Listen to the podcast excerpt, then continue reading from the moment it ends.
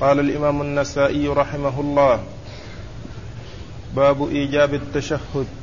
وقال أخبرنا سعيد بن عبد الرحمن أبو عبيد الله المخزومي قال حدثنا سفيان عن الأعمش ومنصور عن شقيق بن سلمة عن ابن مسعود رضي الله عنه أنه قال كنا نقول في الصلاة قبل أن يفرض التشهد السلام على الله السلام على جبريل وميكائيل فقال رسول الله صلى الله عليه وسلم لا تقولوا هكذا فإن الله عز وجل هو السلام. ولكن قولوا التحيات لله والصلوات والطيبات. السلام عليك أيها النبي ورحمة الله وبركاته. السلام علينا وعلى عباد الله الصالحين. أشهد أن لا إله إلا الله وأشهد أن محمدا عبده ورسوله. بسم الله الرحمن الرحيم. الحمد لله رب العالمين وصلى الله وسلم وبارك على عبده ورسوله نبينا محمد وعلى آله وأصحابه أجمعين. يقول النسائي رحمه الله باب إيجاد إيجاب التشهد. آه المقصود من هذه الترجمة هو بيان أن التشهد واجب لازم على المصلي أن يأتي به. وقد أورد النسائي في حديث عبد الله بن مسعود رضي الله تعالى عنه قال كنا نقول قبل أن يفرض التشهد السلام على الله السلام على جبريل وميكائيل. فقال عليه الصلاة والسلام لا تقولوا هكذا وقولوا التحيات لله والصلوات والطيبات. السلام عليك أيها النبي ورحمة الله وبركاته. السلام علينا وعلى عباد الله الصالحين. أشهد أن لا إله إلا الله وأشهد أن محمدا عبده ورسوله. هذا هو التشهد الذي علم النبي صلى الله عليه وسلم أصحابه إياه وأرشدهم إلى أن يأتوا به وأن يقولوه ونهاهم أن يقولوا مثل ما كانوا يقولونه من قبل وهو أنهم يقولون السلام على الله. قال لأن الله هو السلام. والسلام هو دعاء للمسلم عليه. والله عز وجل لا يدعى ولا يدعى له. الله عز وجل يدعى ولا يدعى له. والذي يسلم عليه يدعى له. لأن قولها السلام عليك يعني هو دعاء لأن يسلمه الله عز وجل. السلام عليك ورحمة الله وبركاته. دعاء, دعاء للمسلم عليه بأن يسلمه الله عز وجل. والله عز وجل يدعى ولا يدعى له. ولهذا قال عليه الصلاة والسلام لا تقولوا هكذا. وأرشدهم إلى أن يأتوا بالتشهد الذي بينه, بينه لهم صلوات الله وسلامه وبركاته عليه. وكانوا يقولون أيضا السلام على جبريل وميكائيل. السلام على جبريل وميكائيل. وقد أتى النبي عليه الصلاة والسلام بالتشهد بشيء يشمل هذا ويزيد عليه وهو السلام علينا وعلى عباد الله الصالحين. فإن كلمة عباد الله الصالحين تشمل كل عبد صالح في السماء والأرض فيدخل في ذلك جبريل وميكائيل آه، من الملائكة وغيرهم وكذلك يدخل عباد الله الصالح عباد يدخل عباد الله الصالحون في الأرض. فإنها تشمل كل عبد صالح في السماء والأرض. فإذا السلام على علينا وعلى عباد الله الصالحين. آه، آه، تؤدي ما تؤديه العبارة التي كانوا يقولونها وهي السلام على جبريل وميكائيل. السلام على جبريل وميكائيل تؤديها هذه الجملة العامة وهذا السلام العام الذي هو لكل عبد صالح في السماء والأرض. وإذا فقد نهى رسول الله عليه الصلاة والسلام أن يقال السلام على الله من عباده لأن الله تعالى هو السلام وهو الذي يدعى والمسلم عليه يدعى له والله تعالى هو الذي يدعى وغيره يدعى له. آه وثم قال و ولكن قولوا التحيات لله. والتحيات آه من المعلوم أن من يحيى يعظم والتعظيم الحقيقي والتحيات الحقيقيات التي هي مشتملة على التعظيم لمن يحيى إنما هي في الحقيقة لله سبحانه وتعالى هو المستحق لذلك على الحقيقة. والصلوات يشمل الصلوات المفروضة والنوافل وكذلك أيضا يمكن أن يكون المراد به أيضا الدعاء الدعوات يعني أن الصلاة هي في اللغة الدعاء وفي, وفي الشرع هي الصلوات التي هي أقوال وأفعال مبتدأة بالتكبير مختتمة بالتسليم فالصلاة المفروضة التي هي الخمس وغيرها من النوافل التي هي أقوال وأفعال مبتدأة بالتكبير مختتمة بالتسليم هي لله عز وجل. وكذلك الدعاء الله تعالى هو الذي يدعى وهو الذي يرجى وهو الذي يعول عليه. والطيبات الطيبات من القول. والفعل كل طيب هو لله عز وجل. والله تعالى طيب لا يقبل إلا طيبا. و فيدخل في ذلك آه الكلام الطيب والثناء الحسن فإنه لله عز وجل. فهو الذي المستحق لذلك على الحقيقة. وإن كان غيره يثنى عليه لكن بحسب ما يليق به ودون تجاوز للحدود وغلو وإطراء يخرج بالمخلوق عما يستحقه إلى ما لا يستحقه. فالمستحق لذلك هو الله سبحانه وتعالى. السلام عليك أيها النبي ورحمة الله وبركاته. النبي عليه الصلاة والسلام يدعى له يدعى له ولهذا فإن السلام على النبي عليه الصلاة والسلام فيه دعاء له بالسلامة وكذلك دعاء له بالرحمة والبركة. السلام عليك أيها النبي ورحمة الله وبركاته. السلام علينا وعلى عباد الله الصالحين. السلام علينا يعني هو دعاء لنا ودعاء لعباد الله الصالحين. فيشمل ذلك كل عبد صالح في السماء والأرض. ثم يدل هذا على أن الإنسان إذا وفقه الله عز وجل لأن يكون من أهل الصلاح والاستقامة فإن له نصيب من دعاء الداعين الذين يدعون بهذا الدعاء حيث يقول كل مصل في صلاته وفي تشهده السلام علينا وعلى عباد الله الصالحين. فإذا صلح الإنسان فإنه يكون أهلا لهذه هذه الدعوات التي تحصل من كل مصل يدعو لنفسه ويدعو لعباد الله الصالحين فإذا كان العبد صالحا مستقيما على أمر الله مستقيما على طاعة الله عز وجل فإنه يكون بذلك من أهل هذه الدعوات التي تصدر من كل مصل آه، يدعو لنفسه ويدعو لعباد الله الصالحين. وهذه من ثمرات الصلاح والاستقامة على أمر الله. أن الله عز وجل آه، يعطيه ويجعل الداعين المصلين كل مصل فإنه يدعو بهذا الدعاء ويكون ذلك آه، شاملا لعباد الله الصالحين. آه، السلام علينا وعلى عباد الله الصالحين. أشهد أن لا إله إلا الله وأشهد أن محمدا عبده ورسوله. والشهادة لله عز وجل بأنه الإله الحق الذي لا يجوز أن يصرف شيء من أنواع العبادة لغيره بل العبادة إنما هي حقه فهو المستحق لأن يعبد وحده لا شريك له. ومعنى أشهد أن لا إله إلا الله أي أشهد أنه لا إله آه، يستحق العبادة إلا هو سبحانه وتعالى.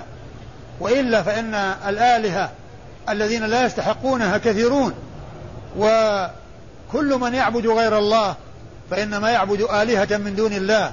ولكن تلك الآلهة فإنها لا, لا تنفع أصحابها بل إنهم يتضررون من عبادتهم لها لأنهم أشركوا بالله عز وجل غيره. والذي يعبد الله وحده هو الذي آه، صرف العبادة في آه، آه، جعل العبادة لمن يستحقها ولم يصرفها لغير من يستحق من يستحقها فإذا قال العبد أشهد أن لا إله إلا الله معني أن معنى ذلك أنه يشهد بأن الله تعالى هو الإله الحق الذي لا تصلح العبادة إلا له ولا يجوز أن يصرف شيء من أنواع العبادة إلا له سبحانه وتعالى. فهو المعبود وحده لا شريك له فكما أنه لا خالق إلا الله ولا رازق إلا الله ولا محيي إلا الله ولا مميت إلا الله فلا معبود بحق سواه سبحانه وتعالى. هو المتفرد بالخلق والإيجاد فهو الذي يستحق ويجب أن يفرد بالعبادة وحده لا شريك له. والعبادة هي آآ آآ آآ كون الإنسان يصرف جميع أنواع العبادة لله عز وجل فلا يستعيذ إلا بالله ولا يستعين إلا بالله ولا يتوكل إلا على الله ولا يذبح إلا لله ولا ينذر إلا لله ولا يستغيث إلا بالله ولا يتوجه في جميع أموره وجميع حوائجه إلا إليه سبحانه وتعالى كما قال في سورة الفاتحة إياك نعبد وإياك نستعين. أي أنك أنت المستحق للعبادة وحدك لا شريك لك وأنت المستعان. ف آه، آه، يشهد العبد لله عز وجل بأنه الإله الحق الذي لا يجوز أن يصرف شيء من أنواع العبادة لغيره ثم بعد ذلك يشهد بأن محمدا عبد الله ورسوله عليه الصلاة والسلام ويشهد له بالعبودية لله عز وجل والرسالة من الله عز وجل أرسله رحمة للعالمين. فهاتان الشهادتان هما أساس الدين وهما أصل الدين ولا يكون ولا يكون آه، آه، العبد مسلما إلا إذا شهد لله بالوحدانية وشهد لنبيه محمد صلى الله عليه وسلم بالرسالة. و آه، من مقتضيات شهادة أن محمد رسول الله أن يطاع في كل ما يأمر به وأن ينتهى عن كل ما ينهى عنه وأن يصدق في كل ما يخبر به وأن لا يعبد الله إلا طبقا لشريعته فلا يعبد تبعا للهوى ولا بالبدع والمنكرات والمحدثات التي ما أنزل الله بها من سلطان وإنما تكون العبادة لله خالصة ولسنة نبيه محمد صلوات الله وسلامه وبركاته عليه موافقة. ولهذا جاء عن الفضيل بن عياض رحمة الله عليه أنه آآ آآ قال في قول الله عز وجل هو الذي خلق الموت والحياة ليبلوكم أيكم أحسن عملا فقال العمل الأحسن هو الأخلص الأصوب فالأخلص ما كان لله والصواب ما كان على سنة رسول الله صلى الله عليه وسلم. وهذان هما آه، آه، شرط قبول العمل لأن كل عمل يعمله العبد لا يقبل منه إلا إذا توفر فيه شرطان. أن يكون لله خالصا وأن يكون لسنة نبيه محمد صلوات الله وسلامه وبركاته عليه موافقة فلا بد من الإخلاص ولا بد من المتابعة للرسول عليه الصلاة والسلام. فالعبادة تكون لله خالصة وتكون تلك العبادة طبقا لما شرعه رسول الله صلوات الله وسلامه وبركاته عليه. وإذا اختل أحد هذين الشرطين فإن العمل يكون مردودا. فإذا كان العمل ليس لله خالصا فإنه لا يقبل ولو كان العمل مطابق للسنة من حيث الفعل. لكن لما دخله الشرك ودخله عدم الإخلاص فإنه لا ينفع. ولو كان العمل لله خالصا وقصد الإنسان حسنا ولكنه كان على خلاف السنة وكان على وفق البدعة وعلى وفق آه، آه، الهوى فإنه أيضا لا يقبل لأنه لم يكن طبقا لما جاء به رسول الله عليه الصلاة والسلام. والمسلم لا يعبد الله إلا طبقا لشريعة نبينا محمد عليه الصلاة والسلام. ولهذا جاء في الحديث المتفق على صحته من حديث أم المؤمنين عائشة رضي الله عنها وأرضاها من أحدث في أمرنا قال عليه الصلاة والسلام من أحدث في أمرنا ما ليس منه فهو رد. وفي رواية لمسلم من عمل عملا ليس عليه أمرنا فهو رد. وهي أعم من الرواية السابقة لأنها تشمل العمل مطلقة سواء كان الذي عمله هو المحدث أو أنه متابع لغيره في ذلك العمل المبتدع. من عمل عملا ليس عليه أمرنا فهو رد.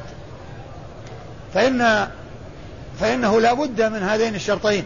ولا بد من هذين الأمرين إخلاص العمل لله وأن يكون ذلك مطابقا لسنة رسول الله. وهذا هو الذي يقال له تجريد الإخلاص لله وحده وتجريد المتابعة للرسول صلى الله عليه وسلم. تجريد الإخلاص لله وحده فلا يعبد مع الله غيره. وتجريد المتابعة للرسول فالذي يطاع ويتبع وهو معصوم فيما يصدر منه هو رسول الله. صلوات الله وسلامه وبركاته عليه. كما قال الله عز وجل وما ينطق, وما ينطق عن الهوى إن هو إلا وحي يوحى. وقال بعض العلماء توحيدان لا نجاة للعبد إلا بهما. توحيدان لا نجاة للعبد إلا بهما توحيد الرسول وتوحيد المرسل. توحيد المرسل وهو الله بالإخلاص وإفراده بالعبادة وتوحيد الرسول بالمتابعة. توحيد الرسول وهو محمد عليه الصلاة والسلام يوحد بالمتابعة بمعنى أن الإنسان يسير طبقا لما جاء به من الحق والهدى. يسير طبقا لما جاء به من الحق والهدى صلوات الله وسلامه وبركاته عليه. هذا هو التشهد الذي بينه الرسول الكريم عليه الصلاة والسلام لأصحابه وفيه امتثال قول الله عز وجل يا أيها الذين آمنوا صلوا عليه وسلموا تسليما. فإن العبد إذا صلى إذا سلم هذا السلام في الصلاة على رسول الله في الصلاة آه، في التشهد وكذلك صلى صلى وسلم عليه فإنه يكون بذلك ممتثلا لقول الله عز وجل إن الله وملائكته يصلون على النبي يا أيها الذين آمنوا صلوا عليه وسلموا تسليما. وقد جاء في بعض الروايات وفي في بعض الأحاديث التي آه، ستأتي في كيفية الصلاة على النبي صلى الله عليه وسلم أنهم قالوا قد علمنا كيف نسلم عليك. أي في التشهد السلام عليك أيها النبي ورحمة الله وبركاته. فكيف نصلي عليك؟ فقال قولوا اللهم صل على محمد وعلى آل محمد كما صليت على إبراهيم وعلى آل إبراهيم إنك حميد مجيد. اللهم بارك على محمد وعلى آل محمد كما باركت على إبراهيم وعلى آل إبراهيم إنك حميد مجيد. وستأتي آه تلك آه آه الصيغ التي هي صيغ الصلاة على النبي الكريم صلوات الله وسلامه وبركاته عليه. أيوه. الإسناد الإسناد قال أخبرنا سعيد بن عبد الرحمن أبو عبيد الله. أخبرنا سعيد بن سعيد بن عبد الرحمن أبو عبيد الله المخزومي وهو ثقة أخرج حديثه الترمذي والنسائي. أخرج حديثه الترمذي والنسائي. قال حدثنا سفيان. قال حدثنا سفيان وهو بن عيينة. سفيان بن عيينة المكي وهو ثقة أخرج حديثه أصحاب الكتب الستة. عن الأعمش. عن الأعمش وهو سليمان بن مهران الكاهلي. سليمان بن مهران الكاهلي الكوفي وهو ثقة أخرج حديثه أصحاب الكتب الستة. والأعمش لقب. وقد ذكرت مرارا وتكرارا أن من الأمور المهمة في علم المصطلح معرفة ألقاب المحدثين مثل الأعمش فإنه لقب لسليمان بن مهران الكاهلي الكوفي. وفائدة معرفة الألقاب ألا يظن الشخص الواحد شخصين فيما إذا ذكر أحيانا في باسمه وذكر أحيانا بلقبه فإن من لا يعرف يظن أن سليمان بن مهران شخص وأن الأعمش شخص آخر. لكن من عرف أن الأعمش لقب لسليمان بن مهران لا يلتبس عليه الأمر. إذا رآه جاء في بعض الأسانيد الأعمش أو رآه جاء في بعض الأسانيد سليمان فإنه, فإنه يعلم بأن هذا هو هذا وأنه ليس شيئا ليس شخصا آخر غير ذلك الشخص. ومنصور هو ابن المعتمر الكوفي أيضا وهو ثقة أخرج حديثه أصحاب الكتب آه الستة. والأعمش أخرج حديثه أصحاب الكتب الستة. نعم. عن شقيق بن سلمة. عن شقيق بن سلمة. شقيق بن سلمة الكوفي هو أبو وائل. كنيته أبو وائل. يأتي كثيرا في بعض في الأسانيد أخبرنا أبو وائل. ولا يذكر اسمه. وأحيانا يذكر اسمه ولا يذكر كنيته كما هنا. فإنه هنا قال شقيق بن سلمة. وفي بعض الأسانيد يقول أبو وائل ولا يقول شقيق بن سلمة. وأبو وائل هو شقيق بن سلمة. وهذا أيضا مما آه يعني مما يكون لمعرفته أهمية. حتى لا يظن الشخص الواحد شخصين. فيما إذا ذكر باسمه وذكر بكنيته فإن من لا يعرف أن صاحب الكنية هو شقيق بن سلمة يظن أن أبا وائل شخص وأن شقيق بن سلمة شخص آخر. لكن من عرف أن هذا هذا هذه الكنية هي لهذا لصاحب هذا الاسم لا يلتبس عليه الأمر ولا يظن الشخص الواحد شخصين. وشقيق بن سلمة ثقة مخضرم أخرج حديثه أصحاب الكتب الستة. عن عبد الله بن مسعود الهذلي صاحب رسول الله عليه الصلاة والسلام ومن المهاجرين الأولين هاجر الهجرتين وهو من علماء الصحابة و وهو ليس أحد العباد الأربعة من الصحابة عند الإطلاق لأنه متقدم الوفاة والأربعة هم من صغار الصحابة وهم عبد الله بن عمر وعبد الله بن عمرو وعبد الله بن عباس وعبد الله بن الزبير. هؤلاء هم العباد الأربعة. وبعض العلماء يقول عبد الله بن مسعود هو أحدهم ولكن الصحيح أنه ليس واحدا منهم لأنه متقدم الوفاة. وأما أولئك فهم صغار الصحابة وقد عاشوا في آه، زمن متقارب وأدركهم كثيرون من التابعين مما لم يدركوا زمن عبد الله بن مسعود رضي الله تعالى عنه. وعبد الله بن مسعود أخرج حديثه أصحاب الكتب الستة. قال تعليم التشهد كتعليم السورة من القرآن. وقال أخبرنا أحمد بن سليمان قال حدثنا يحيى بن آدم قال حدثنا عبد الرحمن بن حميد قال حدثنا أبو الزبير عن طاووس عن ابن عباس رضي الله عنهما أنه قال كان رسول الله صلى الله عليه وسلم يعلمنا التشهد كما يعلمنا السورة من القرآن. ثم أورد النسائي تعليم التشهد كتعليم السورة من القرآن. يعني أنه آه، حصل الاهتمام به والعناية بتعليمه من رسول الله عليه الصلاة والسلام حتى كان يعلمهم التشهد كما يعلمهم السورة من القرآن. يعني معناه يحفظونه يحفظونه ويتعلمونه كما يتعلمون القرآن. وهذا فيه دلالة على أهمية التشهد وعظيم شأنه وأنه آآ آه، آآ آه، يتعلم كما يتعلم المتعلم السورة من القرآن. يعني هذا يدل على أهميته وعلى الاهتمام به حيث كان عليه الصلاة والسلام يعلم أصحابه التشهد كما يعلمهم السورة من القرآن. وقد جاء في حديث ابن عباس أن النبي عليه الصلاة والسلام كان يعلمهم التشهد كما يعلمهم السورة من القرآن. وجاء أيضا في حديث مسعود في بعض الروايات أنه كان يعلمهم التشهد كما يعلمهم السورة من القرآن. كما يعلمهم السورة من القرآن. أيوة. إسناد. أخبرنا أحمد بن سليمان. أخبرنا أحمد بن سليمان وهو الرهاوي وهو ثقة حافظ أخرج حديثه النسائي. قال حدثنا يحيى بن آدم. قال حدثنا يحيى بن آدم الكوفي وهو ثقة أخرج حديثه أصحاب الكتب الستة وهو مصنف كتاب الخراج. أيوه. ثقة حافظ فاضل. ثقة حافظ فاضل. أخرج حديثه أصحاب الكتب الستة. حدثنا عبد الرحمن بن حميد. حدثنا عبد الرحمن بن حميد الرؤاسي وهو ثقة أخرج حديثه مسلم وأبو داود النسائي. نعم. أخرج حديثه مسلم وأبو داود والنسائي. قال حدثنا أبو الزبير. قال حدثنا؟ أبو الزبير. قال حدثنا أبو الزبير وهو محمد بن مسلم بن تدرس المكي وهو صدوق يدلس وحديثه أخرجه أصحاب الكتب الستة. عن طاووس. عن طاووس بن كيسان اليماني وهو ثقة فاضل أخرج حديثه أصحاب الكتب الستة.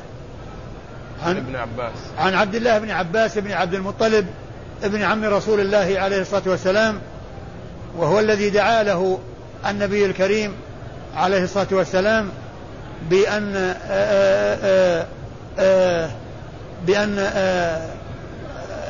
بأن يعرف تفسير كلام الله عز وجل بأن يكون عالما بكتاب الله عز وجل وقد كان كذلك. فإن عمر رضي الله عنه وأرضاه كان يقربه ويدنيه ويجلسه مع كبار الصحابة. يجلسه مع كبار الصحابة. ولما قال له بعض الصحابة كيف تأتي بابن عباس ولنا أولاد مثله؟ ولا تأتي بهم ولا يعني تجعلهم يأتون. فاختبره وطرح سؤالا يعني آه عليهم وعليه وكان جوابه آه فيه آه, آه، الفهم وفيه آه، آه، الإصابة.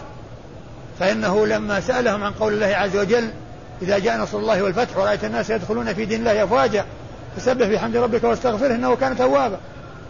فالظاهر المتبادر أنه إذا جاء نصر الله والفتح فإن فإنه يسبح الله عز وجل ويعظم. لكن الذي فهمه ابن عباس اقتراب أجل الرسول صلى الله عليه وسلم. اقتراب أجله عليه الصلاة والسلام. ولهذا آآ آآ اختبره بحضورهم وظهر دقة فهمه و دقة فهمه في لكلام الله سبحانه وتعالى رضي الله تعالى عن ابن عباس. وعبد الله بن عباس هو أحد العبادلة الأربعة الذين أشرت إليهم آنفا وهو أنهم وهم عبد الله بن عباس وعبد الله بن الزبير وعبد الله بن عمر وعبد الله بن عمر. هؤلاء هم العبادلة الأربعة من أصحاب رسول الله صلى الله عليه وسلم. وأيضا هو أحد السبعة المعروفين بكثرة الحديث عن رسول الله عليه الصلاة والسلام. وهم أبو هريرة وعبد الله بن عمر وعبد الله بن عباس وأبو سعيد الخدري وجابر بن عبد الله الأنصاري وأنس بن مالك وأم المؤمنين عائشة. فهؤلاء, الصحابة السبعة ستة رجال وامرأة واحدة. هؤلاء السبعة هم أكثر أصحاب رسول الله عليه الصلاة والسلام رواية عنه صلوات الله وسلامه وبركاته عليه. وعبد الله بن عباس هو واحد منهم وهو من صغار الصحابة. لأنه كما جاء في بعض الأحاديث في حجة الوداع يقول كنت ناهزت الاحتلام. ناهزت الاحتلام. جاء على حمار أتان والرسول صلى الله عليه وسلم يصلي بين الناس بمنى فقال فتركت الح... وأنا وكنت قد ناهزت الاحتلام. يعني أنه قد ناهز البلوغ في حجة الوداع. في حجة الوداع ناهز البلوغ. وحديثه عند أصحاب كتب الستة رضي الله عنه وأرضاه. قال باب كيف التشهد؟ وقال أخبرنا قتيبة قال حدثنا الفضيل وهو ابن عياض عن الأعمش عن شقيق عن عبد الله رضي الله عنه أنه قال قال رسول الله صلى الله عليه وسلم إن الله عز وجل هو السلام فإذا قعد أحدكم فليقل التحيات لله والصلوات والطيبات. السلام عليك أيها النبي ورحمة الله وبركاته. السلام علينا وعلى عباد الله الصالحين. أشهد أن لا إله إلا الله وأشهد أن محمدا عبده ورسوله. ثم ليختر بعد ذلك من الكلام ما شاء. ثم ورد النسائي هذه الترجمة وهي كيفية, كيفية التشهد؟ يعني الصيغة التي يكون عليها التشهد والكيفية التي يكون عليها. وأورد في حديث ابن مسعود رضي الله عنه آه وهو مثل الرواية السابقة. إلا أن تلك أوردها لبيان إيجاب التشهد وهنا أوردها لبيان كيفية التشهد. وذلك أنه عليه الصلاة والسلام قال لهم لا تقولوا السلام على الله ولكن وليقل أحدكم عند القعدة يعني في الصلاة التحيات لله والصلوات والطيبات. السلام عليك أيها النبي ورحمة الله وبركاته. السلام علينا وعلى عباد الله الصالحين. أشهد أن لا إله إلا الله وأشهد أن محمدا عبده ورسوله. فهذه هي كيفية التشهد وهذه صيغة التشهد التي علم النبي الكريم عليه الصلاة والسلام أصحابه إياها آه هذه كيفيتها. والنسائي أورد الحديث لبيان الكيفية وهذه هي الكيفية. التحيات لله والصلوات إلى آخر الحديث. الإسناد؟ ثم قال ثم ليتخير. ثم قال ثم ليتخير من الدعاء ما شاء. إنه يتخير يعني بعد ذلك يعني يأتي آه، آه، بالدعاء. و, و, و, و آه، التشهد الأخير هو موطن من مواطن إكثار الدعاء كما أن السجود أيضا من مواطن الدعاء فإن الدعاء يكثر في هذين الموطنين في التشهد اي الأخير وفي آه وفي السجود. وفي السجود كما جاء في الحديث آه آه آه أما الركوع فعظموا فيه الرب وأما السجود فأكثروا فيه من الدعاء. فقمن أن يستجاب لكم. قال أخبرنا قتيبة. قال أخبرنا قتيبة. قتيبة هو بن سعيد ابن جميل ابن طريف البغلاني وبغلان قرية من قرى بلخ وهو ثقة ثبت أخرج حديثه أصحاب الكتب الستة. قال حدثنا الفضيل. قال حدثنا الفضيل وهو ابن عياض. الفضيل ابن عياض وهو ثقة عابد أخرج حديثه أصحاب الكتب الستة إلا ابن ماجه. وقوله هو هو ابن عياض هذه قالها من دون قتيبة دون من دون تلميذ قتيبة وهو, وهو إما النسائي أو من دون النسائي. وقد مر بنا مثل ذلك مرارا وأن المراد بها أن من دون التلميذ زاد زيادة توضح الشخص الذي ذكر غير منسوب لكنه ذكر بهذه الصفة وهي أن يقال هو ابن فلان حتى يعرف أنها ليست من التلميذ وإنما هي ممن دون التلميذ. عن؟ عن الأعمش. عن الأعمش عن؟ عن شقيق عن عبد الله. عن عن الأعمش عن شقيق عن عبد الله وقد مر ذكرهم في إسناد عبد حديث عبد الله مسعود المتقدم. قال نوع آخر من التشهد. وقال أخبرنا محمد بن بشار قال حدثنا يحيى بن سعيد عن هشام عن قتادة حا قال وأخبرنا محمد بن المثنى قال حدثنا يحيى قال حدثنا هشام قال حدثنا قتادة عن يونس بن جبير عن حطان بن عبد الله أن الأشعري رضي الله عنه أن قال إن رسول الله صلى الله عليه وسلم خطبنا فعلمنا سنتنا وبين لنا صلاتنا فقال إذا قمتم إلى الصلاة فأقيموا صفوفكم ثم ليؤمكم أحدكم فإذا كبر فكبروا وإذا قال ولا الضالين فقولوا آمين. يجب يجبكم الله. ثم إذا كبر وركع فكبروا واركعوا. فإن الإمام يركع قبلكم ويرفع قبلكم. قال نبي الله صلى الله عليه وسلم فتلك بتلك. وإذا قال سمع الله لمن حمده فقولوا اللهم ربنا لك الحمد. فإن الله عز وجل قال على لسان نبيه صلى الله عليه وسلم سمع الله لمن حمده. ثم إذا كبر وسجد فكبروا واسجدوا فإن الإمام يسجد قبلكم ويرفع قبلكم. قال نبي الله صلى الله عليه وسلم فتلك بتلك. وإذا كان عند القعدة فليكن من قول أحدكم أن يقول التحيات لل... التحيات الطيبات الصلوات لله. السلام عليك أيها النبي ورحمة الله وبركاته. السلام علينا وعلى عباد الله الصالحين. أشهد أن لا إله إلا الله وأشهد أن محمدا عبده ورسوله. ثم ورد النسائي آه هذه الترجمة هي نوع آخر من التشهد. ال- ال- الذي مضى هو تشهد ابن مسعود وأورده من طريقين.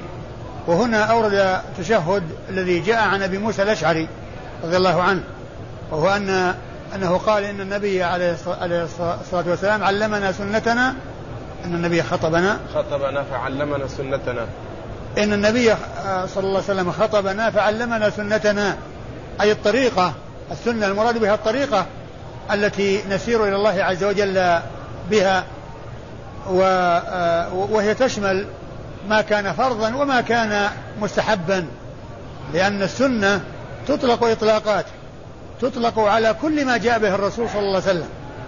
وهذا هو معنى قوله من رغب عن سنتي فليس مني فإن سنة الرسول صلى الله عليه وسلم كل ما جاء به كل ما جاء في الكتاب والسنة هو سنة الرسول صلى الله عليه وسلم. وأيضا تطلق السنة ويراد بها آه يعني آه ما يكون آه آه يذكر مع القرآن. كما إذا قيل دل عليه الكتاب والسنة يراد بها الحديث. تطلق ويراد بها حديث رسول الله عليه الصلاة والسلام.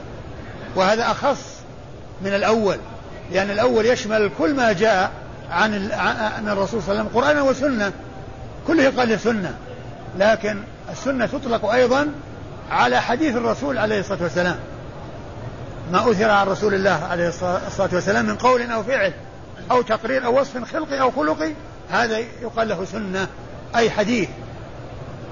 وتطلق السنة عند الفقهاء على المأمور به غير الواجب. المأمور به أمر استحباب وليس أمر إيجاب. مثل قوله عليه الصلاة والسلام كنت إيه، إيه، إيه، لولا أن أشق على أمتي لأمرتهم بالسواك عند كل صلاة. يعني لولا أن أشق عليهم لأمرتهم أمر إيجاب. وأما أمر الاستحباب هو موجود. أمر الاستحباب موجود.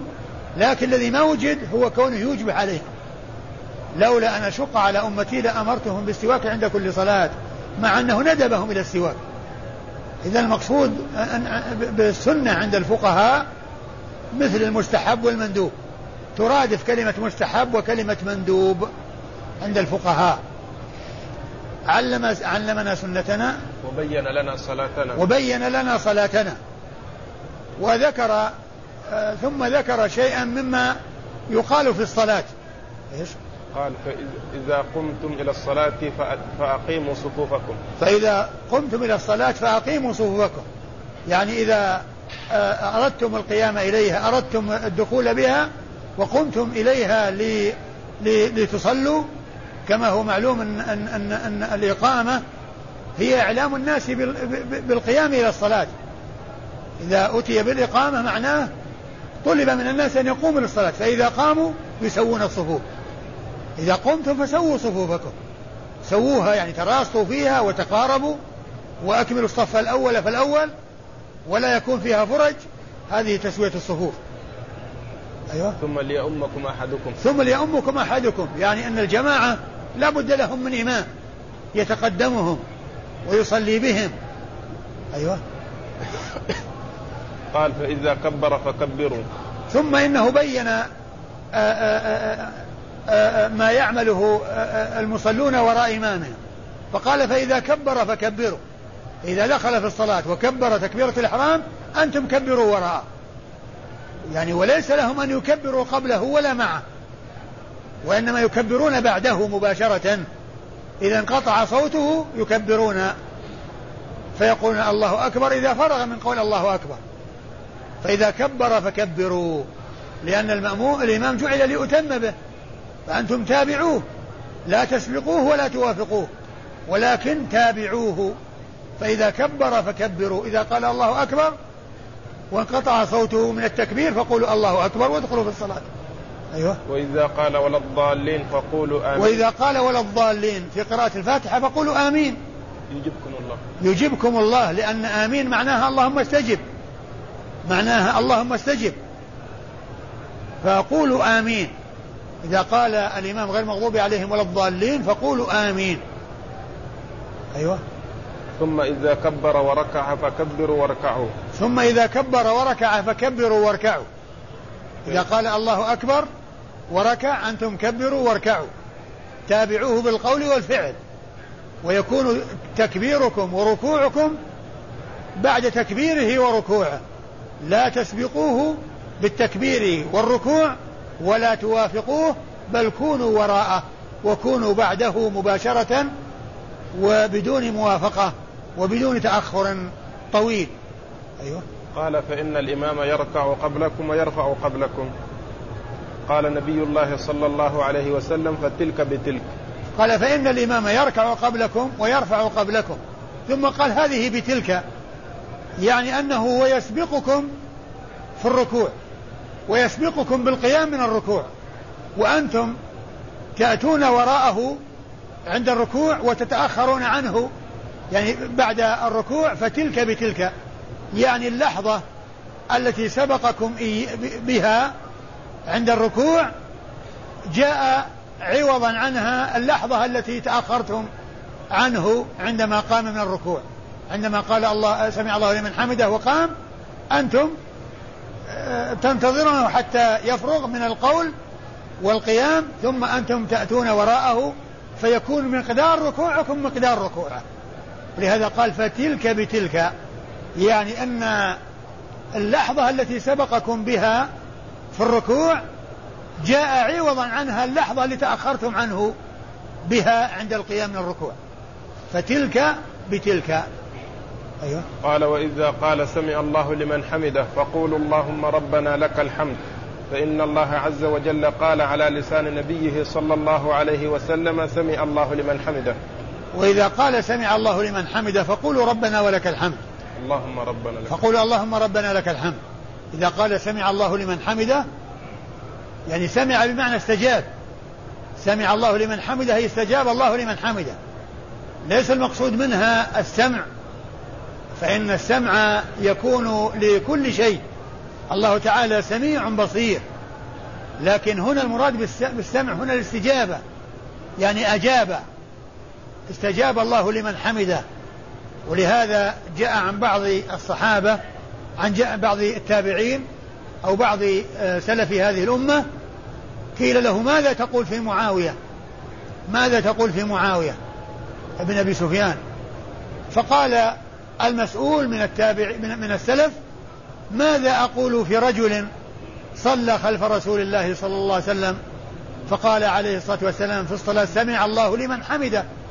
أي استجاب الله لمن حمده. فقال معاوية وراءه ربنا ولك الحمد.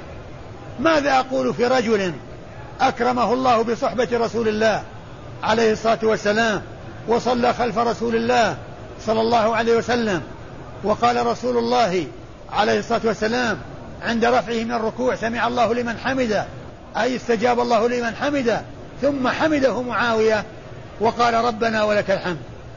اللهم ربنا لك الحمد. ماذا أقول فيه؟ يعني أن هذا فضل وشرف لأصحاب الرسول صلوات الله وسلامه وبركاته عليهم أن أكرمهم الله عز وجل بصحبته وبتلقي السنن عنه وبالجهاد معه وبالاتيان بالأعمال الجليلة التي عملوها في نصرة دين الله عز وجل وتأييد رسوله صلوات الله وسلامه وبركاته عليه. أيوه. قال ثم إذا كبر وسجد, وسجد فكبروا واسجدوا فإن الإمام يسجد قبلكم ويرفع قبلكم. أيوة. قال نبي الله صلى الله عليه وسلم فتلك بتلك. وهذا مثل ما حصل في الركوع. قال وإذا كبر وسجد فكبروا واسجدوا. فإن الإمام يسجد قبلكم ويرفع. فإن الإمام يسجد قبلكم ويرفع قبلكم. ثم قال فتلك بتلك. يعني سجودكم مقدار سجودة تماما. إلا أنه يسبقكم عند السجود وأنتم تتأخرون عنه. يعني عندما يقوم تنتظرونه حتى حتى يقوم من سجوده ويقول ويقول الله أكبر. فاللحظة التي سبقكم بها آه، حصل تعويض عنها باللحظة التي تأخرتم عنه بها لما قام من سجوده. فالكلام هنا كالكلام عند الركوع والرفع من الركوع. أيوه. قال وإذا كان عند القعدة فليكن من قول أحدكم أن يقول التحيات الطيبات الصلوات لله. السلام عليك أيها النبي ورحمة الله وبركاته. السلام علينا وعلى عباد الله الصالحين. فليقل فليقل فليقل. قال وإذا كان عند القعدة فليكن من قول أحدكم أن يقول أيوه. التحيات الطيبات الصلوات لله. السلام عليك أيها النبي ورحمة الله وبركاته. السلام علينا وعلى عباد الله الصالحين. أشهد أن لا إله إلا الله وأشهد أن محمدا عبده ورسوله. وهذا نوع آخر من التشهد وهو مثل الذي قبله تماما إلا في أوله فإن الأول التحيات لله والصلوات والطيبات وهنا التحيات التحيات الطيبات الصلوات لله. لله. قال أخبرنا محمد بن بشار. أخبرنا محمد بن بشار. محمد بن بشار هو الملقب بن دار. لقبه بن دار وهو البصري. وهو ثقة أخرج حديثه أصحاب الكتب الستة بل هو شيخ لأصحاب الكتب الستة. رووا عنه مباشرة وبدون واسطة. قال أخبرنا يحيى. أي نعم. يحيى بن سعيد. قال أخبرنا يحيى بن سعيد وهو القطان. يحيى بن سعيد القطان المحدث الناقد الثقة. أخرج حديثه أصحاب الكتب الستة. عن هشام. عن هشام بن أبي عبد الله الدستوائي وهو ثقة ثبت أخرج حديثه أصحاب الكتب الستة. عن قتادة. عن قتادة بن دعامة السدوسي البصري وهو ثقة حديثه عند أصحاب الكتب الستة. حاء وأخبرنا محمد بن المثنى. ثم قال حاء وأخبرنا محمد المثنى. حاء هذه المراد بها التحول من إسناد إلى إسناد. الانتقال من إسناد إلى إسناد. والإسناد الأول شيخ النسائي فيه محمد بن بشار. والإسناد الثاني شيخه فيه محمد بن مثنى ومحمد بن مثنى هو العنزي الملقب الزمن وكنيته أبو موسى. وأحدا تابع أيمن بن نابل على هذه الرواية. وأيمن عندنا لا بأس به. والحديث خطأ وبالله التوفيق. ثم ورد النسائي هذا هذه الترجمة وهي نوع آخر من التشهد. وورد في حديث جابر بن عبد الله الأنصاري أنه قال كان النبي عليه الصلاة والسلام يعلمنا في التشهد كما يعلمنا السورة من القرآن فكان أن, أن علمهم وقال بسم الله. بسم الله. بسم الله وبالله. بسم الله وبالله. التحيات لله والصلوات والطيبات. أيوه. السلام عليك أيها النبي ورحمة الله وبركاته. والسلام علينا وعلى عباد الله الصالحين. أشهد أن لا إله إلا الله وأن يعني محمدا عبده ورسوله. هو مثل تشهد ابن مسعود وتشهد مثل تشهد ابن مسعود إلا أنه يختلف فيما فيه من الزيادات في أوله وفي آخره.